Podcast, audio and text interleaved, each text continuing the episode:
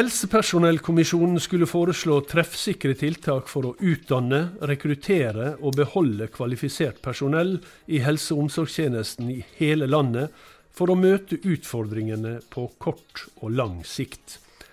Intet mindre. Nå er rapporten fra utvalget levert, og kommisjonsleder Gunnar Bovim er gjest i ukas episode av Der livet leves. Der livet leves, en podkast fra KS. Velkommen til KS-podden Der livet leves. Jeg heter Kjell Erik Saure. Og hjertelig velkommen til Gunnar Bovim, leder av Helsepersonellkommisjonen, som nettopp har levert sin rapport etter vel et års arbeid. Jeg refererte litt fra oppdraget i begynnelsen her. Det, det, det var litt av et oppdrag. Har, har dere klart jobben? Først tusen takk for invitasjonen. Dette gleder jeg meg til å snakke med deg om. Ja, vi har godt. fått et stort oppdrag til en eh, kompetent kommisjon. Vi syns vi hadde litt lite tid, men vi syns egentlig at vi har vært ganske flinke. Mm. Men du, litt sånn problemstilling her. Allerede i mandatet som dere fikk, så finner vi noe av, eh, som, som iallfall framstår som et paradoks. Eh, Og jeg skal sitere. Norge skårer relativt høyt på undersøkelser om kvalitet i helse- og omsorgstjenester, og bl.a. har vi flere leger og sykepleiere per innbygger enn sammenlignbare land. Samtidig er det mangel på personell i deler av helse- og omsorgstjenesten, og tjenestene er derfor avhengig av utenlandsk arbeidskraft. Dette er altså henta fra mandatet. Hvordan har vi klart å ordne oss slik at vi har flere leger og sykepleiere per innbygger enn sammenlignbare land? Likevel så må vi altså importere disse yrkesgruppene fra land som har mindre enn oss. Ja, om vi må importere dem, i hvert fall så importerer vi dem. Eh, og jeg tenker at det er dette paradokset vi lever i i Norge akkurat nå. Kanskje fordi vi har eh, relativt sett mye penger. Vi kan lønne ganske mye. Eh, men, men også fordi at vi har en Det er mange forklaringer på hvorfor vi trenger mye helsepersonell. Det Mm. ene er jo at vi har høy kvinnelig arbeidsdeltakelse.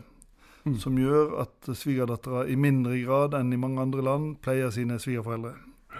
Eh, Det andre er at vi har store forventninger. Det For dårligere helse er ikke en av grunnene. Nei, vi har ikke dårligere helse. Vi har ikke fått så langt veldig mye flere eldre. Vi har fått en del flere eldre akkurat nå i de siste årene, men vi har bygget opp kapasiteten i helse- og omsorgssektoren i en periode med bedre og bedre folkehelse, med relativt stabil eh, eh, befolkning, men altså litt eh, flere kvinner ut i arbeidslivet. Det forklarer ikke hele økningen, men det forklarer noe av økningen. Mm. Og nå, det vi nå står foran, det er en annen utvikling enn som du nevnte da du la fram rapporten. Altså Ja. Nå blir det mange flere eldre over 80 år, Ja. og det blir ikke den økninga i tilgang på arbeidskraft. Orker du noen tall? Ja, noen noen få få tall. tall. Det egner seg dårlig på, på, på, på podkast, men, Ja, vi, men vi altså- prøver. De siste 20 årene så har det blitt 40 000 flere over 80 år. Ja. De neste 20 årene så blir det ikke 40 000 flere, men 250 000 flere. Ja. På en måte heldigvis. Vi blir eldre, vi lever eldre, vi lever gode liv.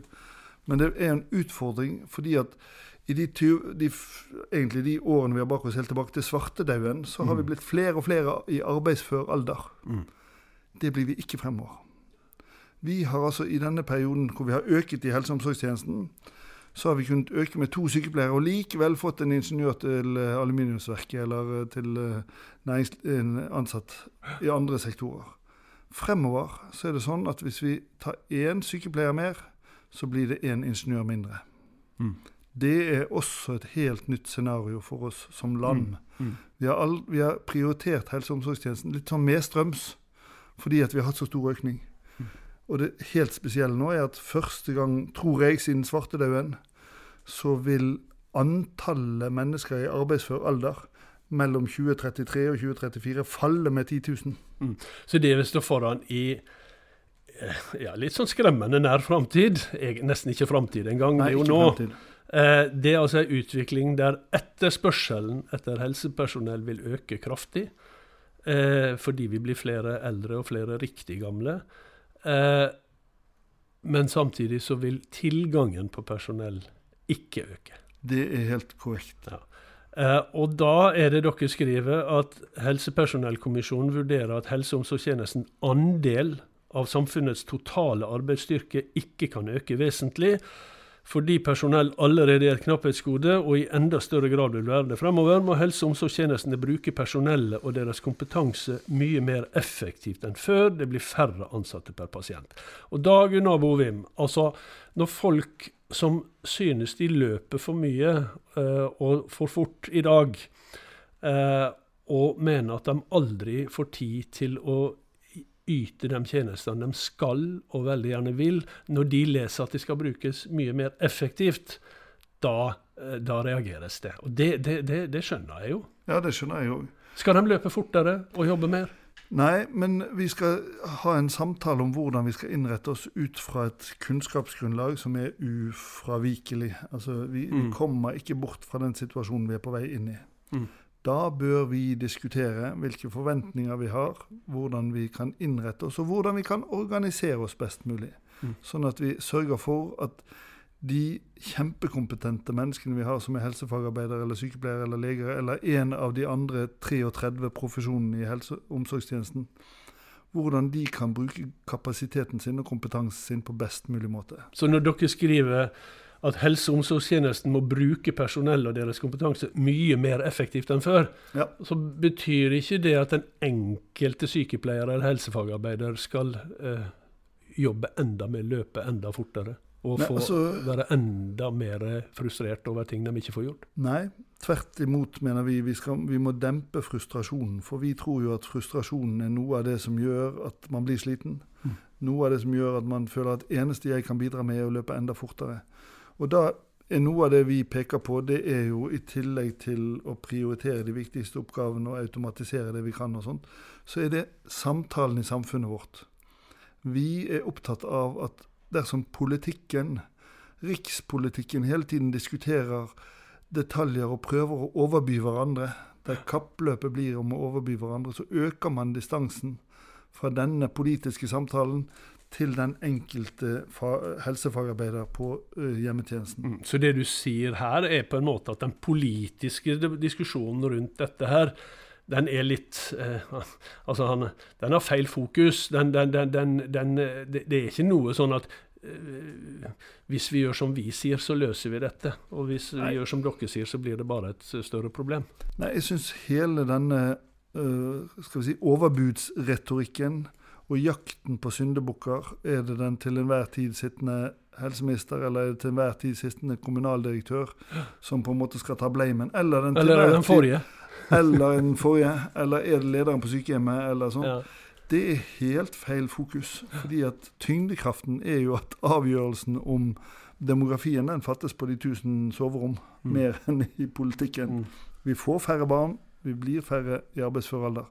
Men det er ikke en krisebeskrivelse vi gir i Helsepersonellkommisjonen. Vi gir først og fremst en mulighetsbeskrivelse. Ja, For dere mener at dette lar seg løse? Jeg må, jeg må bare innrømme, eh, det, det, høres helt uløselig ut når du nevnte disse tallene i stad, ja. med, med ja. Ja, 250 000 flere og uten det, det, det, høres ikke ut som noe som lar seg løse. Nei, men det mener vi det gjør. Og vi har kommet med forslag innenfor mange områder der vi mener at vi kan peke på veivalg vi må ta som gjør at dette er, blir fortsatt et godt samfunn å bli mm. gammel i. Men en av løsningene dere beskriver da, er jo f.eks. så skriver dere at kommunene må få en større andel av pengene nå eh, framover. Eh, det betyr jo en mindre andel på sykehusene, det. Ja, vi beskriver vi må bygge nedenfra. Ja. Det er vårt, liksom, et av våre mantra. Ja. I å bygge nedenfra så mener vi f.eks. at all politikk er helsepolitikk. Vi oppfordrer kommunene i mye større grad enn det vi ser i dag, til å legge til rette for livsløpsboliger som er sånn at når jeg har barn og familie, så bor jeg i en stor f.eks. enebolig, eh, og så flytter jeg inn i en leilighet når jeg blir på min alder. Men når jeg blir litt eldre igjen, så flytter jeg inn i en leilighet der jeg fortsatt gjerne kan eie mitt eh, soverom og min stue og mitt kjøkken og sånt, men jeg kan gå ut og være inne i et fellesskap der det blir servert eh, middag, eller der jeg kan få treffe sosiale folk, som gjør at jeg kan utsette behovet mitt for hjemmesykepleie f.eks. med et år. Mm. Er det dette som ligger i, i, det å ta ansvar for egen alderdom, som har ja. vært litt uh, diskutert? Det er, det er, en del av det. Og jeg ja. mener at det er jo opplagt at vi må. Altså, hallo, hvilken fase i livet hvor, etter at vi er kommet hjemmefra, hadde jeg sagt, er det som, det hvor vi ikke må ta ansvar selv? Selvfølgelig må vi det. Og vi som er Men det betyr ikke at de gamle skal ta ansvaret. Nei, men altså, Etter vi som at de er blitt gamle. Det vi snakker før man er blitt gamle. Ja, vi snakker at vi skal gjøre så godt vi kan der vi er. Ja. Uh, og, og vi som har mye ressurser, du og jeg som har mye ressurser, vi kan legge til rette for at vi får en best mulig inngang i alderdommen. Og så skal vi være med og gjøre det vi kan hele tiden, sånn at, sånn at de helseressursene vi har, som ikke er lite, vi har mye helse- og omsorgsressurser i landet, blir brukt der de trengs mest. Mm. Og det er noe av det vi sier, hvis du så det. Ikke bruk så mye ressurser på lavt prioriterte oppgaver, bruk dem på de høyt prioriterte oppgavene. Og da mener du Og Da mener vi f.eks. at det er veldig høyt prioritert at når vi blir gammel, så skal vi få hjelp nært der vi bor, men ikke nødvendigvis hjemme. Men sånn at vi kan gå en god alderdom og trygg alderdom i møte. mm. Men hva er lavt prioritert, da, som vi ikke skal bruke så mye noe av det som er lavt prioritert, er jo hvis vi virkelig kritisk går gjennom det som skjer i helse- og omsorgstjenesten. Hva er det som har effekt? Hva er det som har kost-nytte? Hva er det vi ser som virkelig monner? Og når vi ser utover landet, så ser vi at en del helsetilbud de er fire ganger så omfattende i en kommune som i nabokommunen. Mm. Det skyldes ikke at befolkningen har ulike behov, men det skyldes at de får et ulikt tilbud. Og Hvis vi da bruker masse ressurser på en behandling som ikke egentlig gir bedre helse, så må vi slutte med det. Men å slutte de med noe som man har Det, er akkurat. Altså, eh, denne virkelighetsbeskrivelsen som dere gir, Ja. er jo veldig vanskelig å motsi. For den, den den, den er demografisk. Og, Ja. og for så vidt så høres løsningene veldig logiske ut også, eh, som dere beskriver. Men når de så skal omsettes i praksis Altså, du har vært sykehusdirektør sjøl, du, på et svært sykehus. Og du har også vært direktør for et regionalt helseforetak. Mm. Men har du, har du prøvd å legge ned et sykehus? Ja, det har vi jo gjort. Og vi Dere skriver nemlig færre Eller dere, du snakka om at det kunne bli snakk om færre sykehus. Ja, og det, det tror jeg vi absolutt skal diskutere i rolige former. Ja, For det er vi- det, det er ikke lett Nei, det er ikke å diskutere med Og vet du hvorfor det er vanskelig? Fordi at den friske befolkningen de vil ha et sykehus nært seg. Men den syke befolkningen de vil ha et sykehus av høy kvalitet, og reiser gjerne dit de får det. Mm. Men det det dreier seg om når vi sier 'utred sykehusstrukturen', så sier vi det ut fra en kontekst at La meg ta et eksempel. Helse Nord de sitter nå og diskuterer fordi at de har et betydelig budsjettunderskudd. Altså, de bruker for mye penger. Mm. Må vi legge ned et sykehus? Da sitter de fra sitt perspektiv, som bare dreier seg om spesialisthelsetjenesten, og lurer på skal vi ha et lokalsykehus der, eller skal vi ikke ha noe. Hvis de da kunne sett også sykehjemmet for eksempel, i sammenheng, så kunne de si nei, det er litt for lavt befolkningsgrunnlag for å ha et fullrigget sykehus. Men vi må oppgradere det sykehjemmet så mye at det blir en mye høyere eh, ressurstilgang der enn, vi, enn det kommunen har ramme for å gjøre på sitt lokale sykehjem. Men da er vi inne på et av de punkta der det er dissens, i Ja, det er altså der det er uenighet Ja. i utvalget. Og det går jo på for flertallet, så vidt jeg skjønner. De mener at man bør vurdere å ha alle helsetjenester på ett forvaltningsnivå. Altså at, at, eh, at ett nivå har ansvar både for sykehusene og for eh, pleie og omsorg. Altså, tenker man da eh, eh, statlig eldreomsorg? Vi har ikke sagt noe om eierstruktur. Eh, Det er ikke nødvendigvis statlig. For vi ser jo helseforetakenes motstand mot helseforetak som er betinget i en eh, opplevd mangel på lokaldemokratisk innflytelse. Og det er relevant, og det er veldig viktig. Eh, motsatsen er at den kommunale omsorgstjenesten, som har stor lokal politisk forankring, den kan være ulik mellom ulike kommuner. Sånn der er det, det som var grunnlaget for helsereformen i sin tid med sykehusene, det var jo knyttet til at man skulle få et likeverdig tilbud uansett hvor man bodde. Derfor skulle skulle staten på en måte sørge for det. Mm. Kommunene har et ansvar for å få lokalt tilpassede, men det betyr at det ikke nødvendigvis blir likeverdig ute i andre enden av Mm. eh, vedtaket. Men, men, men det vi er opptatt av, er at vi har nå sannsynligvis stor personellbruk i grenseflaten mellom sykehus og kommunehelsetjeneste. Sykehusene klager over at de har utskrivningsklare pasienter. Kommunen sier at vi får sykere og sykere pasienter og blir tyngre og tyngre belastet. Nettopp. Og begge har sannsynligvis rett. Ja, og det har vi sett. Det, det, mye av det vi har sett den siste tida, begynner vel i den problemstillingen. Altså det vi har sett på Brennpunkt og sånt, Ja. eh, handler vel om, om akkurat det. Men eh, nå var jo statsråden ganske raskt ute med å skyte ned den eh, med, med, med ett forvaltningsnivå, foreløpig iallfall. Så får vi Ja, Det hun skjøt ned, hvis jeg leste det rett, det Ja. var at vi skulle ikke ha en statlig mastodont. Nei. Men det er heller ikke det vi foreslår. Nei. Men, så, men det dere sier, er at eh, kommunen, altså det som i dag er da kommunenes ansvar, Ja. eh, altså primærhelsetjenesten og altså alt utenom sykehusene, de må få en større andel av personellet framover. Og hvorfor må de det? Fordi at det er særlig de over 80 år som øker i utviklingen fremover. Og de over 80 år bruker mer kommunale helse- og omsorgstjenester enn de bruker spesialisthelsetjenester. Mm. Derfor må vi ruste opp eh, det som er det vi la i bygget nedenfra. Vi må ikke liksom eh, hva skal vi si, henvise disse gamle med veldig sammensatte lidelser og veldig mye forskjellig opp til et spesialiseringsnivå som ikke klarer å håndtere dem, og som er det mest kostbare nivået. Mm. Hold dem, hold dem nært der de bor. Gi de best mulig helse og omsorg med et variert tilfang av fagpersoner. Ja. Og så har dere to ting som dere drøfta, og som høres også sånn typisk sånn Det høres så klokt ut. Også når det kommer til praksis, så, så oppstår Altså oppgavedeling. Det er jo på en måte alle enige om. At, eh, at man må ha en annen oppgavefordeling innenfor eh, helseomsorgen enn man har i dag. Det er, det er for mange på toppen altså med toppkompetanse og for få med, med litt lavere, er ikke det sånn? Jo, altså jeg tror, jeg tror det med oppgavedeling som det er med en del andre politiske spørsmål, at alle er enige i prinsippene, Ja. men når det kommer til praksis, så bare Altså, vi må øke. Altså, I dag så har vi Hvor mange helseprofesjoner tror du vi har som har egen autorisasjon? Uh, Du skal slippe å gjette. Nei, OK, ja. Ja, du skal skal, slippe å gjette. hvis du har takk. lyst til å gjette. nei, nei, jeg kan si 20. Ja, det er 33. Ja. Det er 33 ulike profesjoner som har sin autorisasjon. Mm. Autorisasjon er et kvalitetsstempel. Men det må ikke bli et revir. Mm. Det må ikke bli sånn at ja, men det er vi som er autorisert for denne oppgaven, det må ikke du komme og gjøre. Det må bli sånn at vi fremover designer eh, tjenesten også ut fra et generalistperspektiv.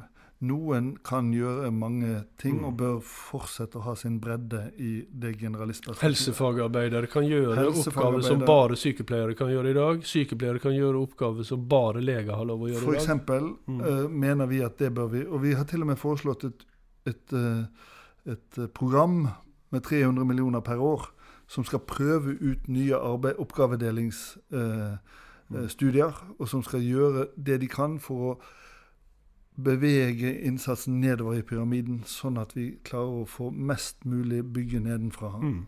Og så har vi heltid, deltid. Ja. Altså Helsetjenestene, særlig de kommunale, da, er jo Ja. full av deltid. Ja. Eh, Men ikke så full som jeg trodde. Nei, det var det jeg la merke til. fordi det, det, det har jo liksom vært sagt alltid at, eh, at her er mye å hente. Men det var ikke så mye. Nei, og så har jeg diskutert dette litt med arbeidstakerorganisasjonene nå etter at de, vi kom med de tallene i går. Altså, Det tallene viser, er at en sykepleier i helse- og omsorgstjenesten jobber i snitt 89% og en helsefagarbeider jobber 79% i snitt. Mm. Det fagforeningene peker på, som vi må se nøyere på, som dere i KS også må se nøyere på, det er om ja, har de jobber de 79% men de har fast stilling bare på 30 Akkurat. og så må de ta tilleggsvakter og sånn. Akkurat så godt kjenner ikke jeg de tallene. Mm. Men jeg mener jo at det er alle vi har snakket med, mener at en heltidskultur er best for de ansatte, best for pasientene og best for arbeidsgiver. Ja, det, er også, det er et sånt område der alle egentlig er enig helt til man skal komme med løsningene. Fordi at, fordi at mye av denne heltids, nei, deltiden oppstår vel eh, av at man ønsker å jobbe mindre helg, Ja, kveld altså, og helligdager og sånne Dette ting. er et av de få områdene hvor vi får en delt innstilling. Det er et Ja. flertall i kommisjonen som anbefaler at partene regulerer arbeidstid gjennom sentrale avtaler, og ikke lokale avtaler som i dag. Hvis man ikke når til målet for å liksom understreke at i enden av korridoren, når partssamarbeidet virkelig har prøvd seg helt ut, så er det arbeidsgiver som har ansvar for en fullt forsvarlig arbeidsmiljø og en forsvarlig tjeneste. Mm. Eh, da mener et flertall at autoriteten i dette partssamarbeidet må være slik at arbeidsgiver da kan skjære gjennom innenfor rammene av fullt forsvarlig arbeidsmiljø og forsvarlig helsetjeneste. Mens mindretallet mener at partssamarbeidet, sånn som det er rigget i dag, stort sett ivaretar dette. Mm. Eller ivaretar dette. Og, og på de eh, riktignok få områder der Ja. kommisjonen deler seg, der går skillet nettopp mellom arbeidsgiver og arbeidstaker. Eller arbeidstakere, da, eh, utgjør mindretallet her. Altså Nå er det jo sånn at denne kommisjonen er regjeringsoppnevnt og ikke partssammensatt som sådan. mm. Men der sitter jo noen med tyngre arbeidstakerkompetanse enn andre, og noen med Ja. tyngre arbeidsgiverkompetanse enn andre. det gir vel iallfall et signal Og grenselinjen går vel langs Ja. de linjene du antyder. Ja. Eh, du, eh, Gunnar Bovim, nå, altså, når vi sitter og prater nå, så er det ganske nøyaktig ett døgn. Dette fredag formiddag. Eh, ganske nøyaktig ett døgn siden du overleverte denne rapporten. Det har vært mye interesse rundt det. det, det må, du har vel stort sett vært på, på beina siden og løpt fra studio til studio. Hva håper du skal skje framover nå? Jeg håper at vi skal være sammen om at denne virkeligheten kommer. Den må vi håndtere, og vi kan gjøre det i en trygghet om at vi fortsatt får hjelp når vi trenger det. Det er det du håper? Hva tror Det er det du jeg håper. Eh, jeg tror at det blir Altså, jeg tror at vi må gå noen runder før overbudsretorikken legger seg. Men jeg er litt optimistisk fordi at jeg så til vårt naboland i sør, Danmark. Der var statsministerduellen for eh, like før valget de hadde nå. Der var det sånn at de tre kandidatene var enige om én ting, og det var at problemene i helse- og omsorgssektoren de må vi løse sammen. Vi kan ikke drive og krangle om premissene for det. Jeg Mm. håper jo at når eh, partiene på Stortinget får som fantastisk spennende hel- helgelektyre lest våre 300 sider, så sier de ja, det må vi gjøre her òg. Ja. Det, det, svarte du nå på trodde eller håpte? Svarte kanskje mest på håpet. Jeg tror kanskje det. Men eh, Men du, Gunnar Bovim, jeg sjekka, jeg tok en liten sniktitt og fant alderen din, og jeg fant ut at det er ikke så veldig lenge siden, lenge til, både du og jeg er i denne kategorien her. Ser du eh, din egen alderdom fortrøstningsfullt i møte? ja, jeg gjør det. Jeg gjør det. Og hele kommisjonen har et optimistisk grunnbilde av dette. Norge har et fantastisk godt utgangspunkt. Vi har dedikerte helse- og omsorgsarbeidere. Vi har økonomi til å holde helsetjenesten på et høyt nivå. Men vi må klare det med færre folk. Jeg er optimistisk på å bli eldre. Jeg, jeg, jeg håper jeg blir det. Ja. Og jeg, og jeg tror jeg kan få, og du kan få, gode, gode kår, godt le, liv i, inn i våre eldre år. Det var iallfall en veldig optimistisk avslutning. Gunnar Bovim, leder av Helsepersonellkommisjonen, tusen hjertelig takk for at du eh, kom hit. Tusen takk for at jeg fikk komme. Og det var det vi rakk i denne episoden av KS-podden Der livet leves. Vi er tilbake med en ny episode neste uke. Der livet leves, en podkast fra KS.